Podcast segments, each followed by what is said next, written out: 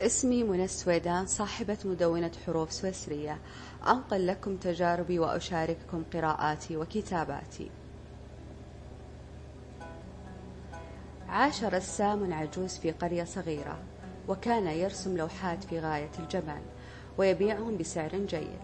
في يوم من الأيام أتاه فقير من أهل القرية وقال له أنت تكسب مال كثير من أعمالك لماذا لا تساعد الفقراء في القرية؟ أنظر لجزار القرية الذي لا يملك مالا كثيرا ومع ذلك يوزع كل يوم قطعا من اللحم المجانية على الفقراء. لم يرد الرسام وابتسم بهدوء. خرج الفقير منزعجا من عند الرسام وأشاع في القرية بأن الرسام ثري ولكنه بخيل. فنقموا أهل القرية من ذلك الرسام. بعد عدة أيام مرض الرسام العجوز ولم يعره أحد من أبناء القرية اهتماما ومات وحيدا. مرت الأيام ولاحظ أهل القرية بأن الجزار لم يعد يرسل الفقراء لحما مجانيا. وعندما سألوه عن السبب قال بأن الرسام العجوز الذي كان يعطيني كل شهر مبلغا من المال لأرسل لحما للفقراء قد مات. وتوقف ذلك بموته. قد يسيء بعض الناس بك الظنون وقد يظنك آخرون من أطهر القلوب. لن ينفعك هؤلاء ولن يضرك أولئك. المهم حقيقتك وما يعلمه الله عنك. لا تحكم على أحد من ظاهر ما تراه منه. فقد يكون في حياته أمورا أخرى. لو علمتها لتغير حكمك عليه.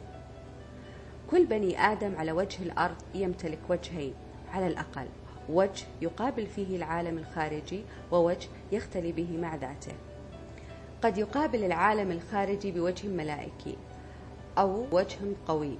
أما الوجه الذي يختلي به مع ذاته إما أن يكون وجه ضعيف أو وجه الطفل أو وجه من الوجوه الأخرى. ومن يقول إن البشر لا يمتلك إلا وجه واحد فهو مخطئ بلا أدنى شك. فهو لم يجلس مع ذاته ولم يواجهها ليكتشف أي وجه آخر يمتلك. ولم تكن لديه الجرأة للقيام بخطوة لمواجهة نفسه لأنه من الممكن أن يتأذى. ونحن ضعفاء لا نحتمل أي أذى أو خسارة. فكل إنسان هو مرآة نفسه.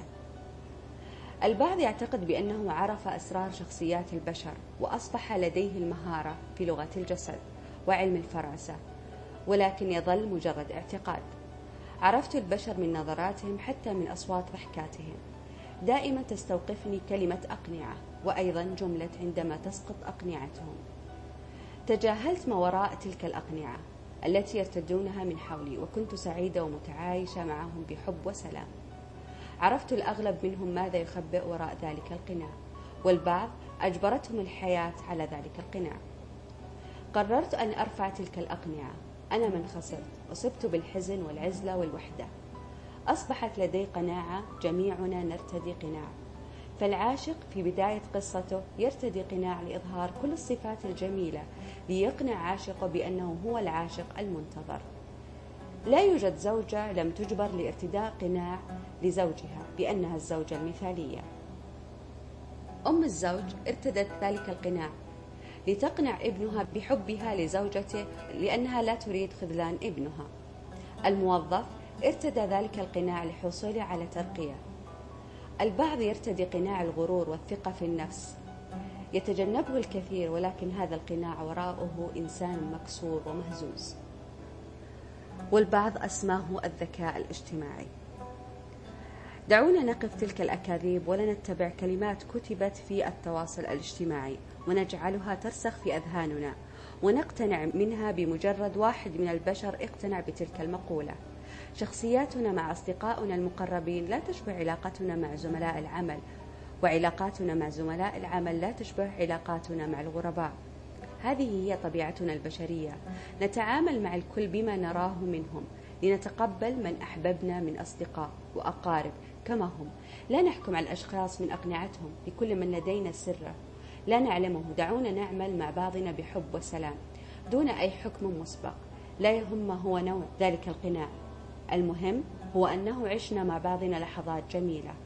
لا يوجد من يعشق العزلة أو الوحدة. نحن في حاجة بعضنا في حاجة الأصدقاء في حاجة علاقات في حياتنا في حاجة الغرباء لنرضي فضولنا حول شخصيات جديدة ومغامرات وقصص جديدة. التدقيق وراء تلك الأقنعة قد يتعبنا. نحن وقد يخجلنا من أنفسنا لو علمنا حقيقة ذلك القناع. لننفتح على العالم الخارجي. نحن بحاجتهم بأفكارنا واعتقاداتنا وقناعاتنا. نحن بحاجة البشر لنوسع مداركنا لنرحب بجميع العلاقات من حولنا. مهما كانت نوع تلك الشخصية قد تعلمنا وقد تقوينا وقد تغير مفاهيم كانت لدينا. قد تكون سبب في نجاحنا. أحد أسرار نجاح العظماء هو عدم وضع حدود لعلاقاتهم ومع ذلك ظلوا محتفظين بحياتهم الشخصية.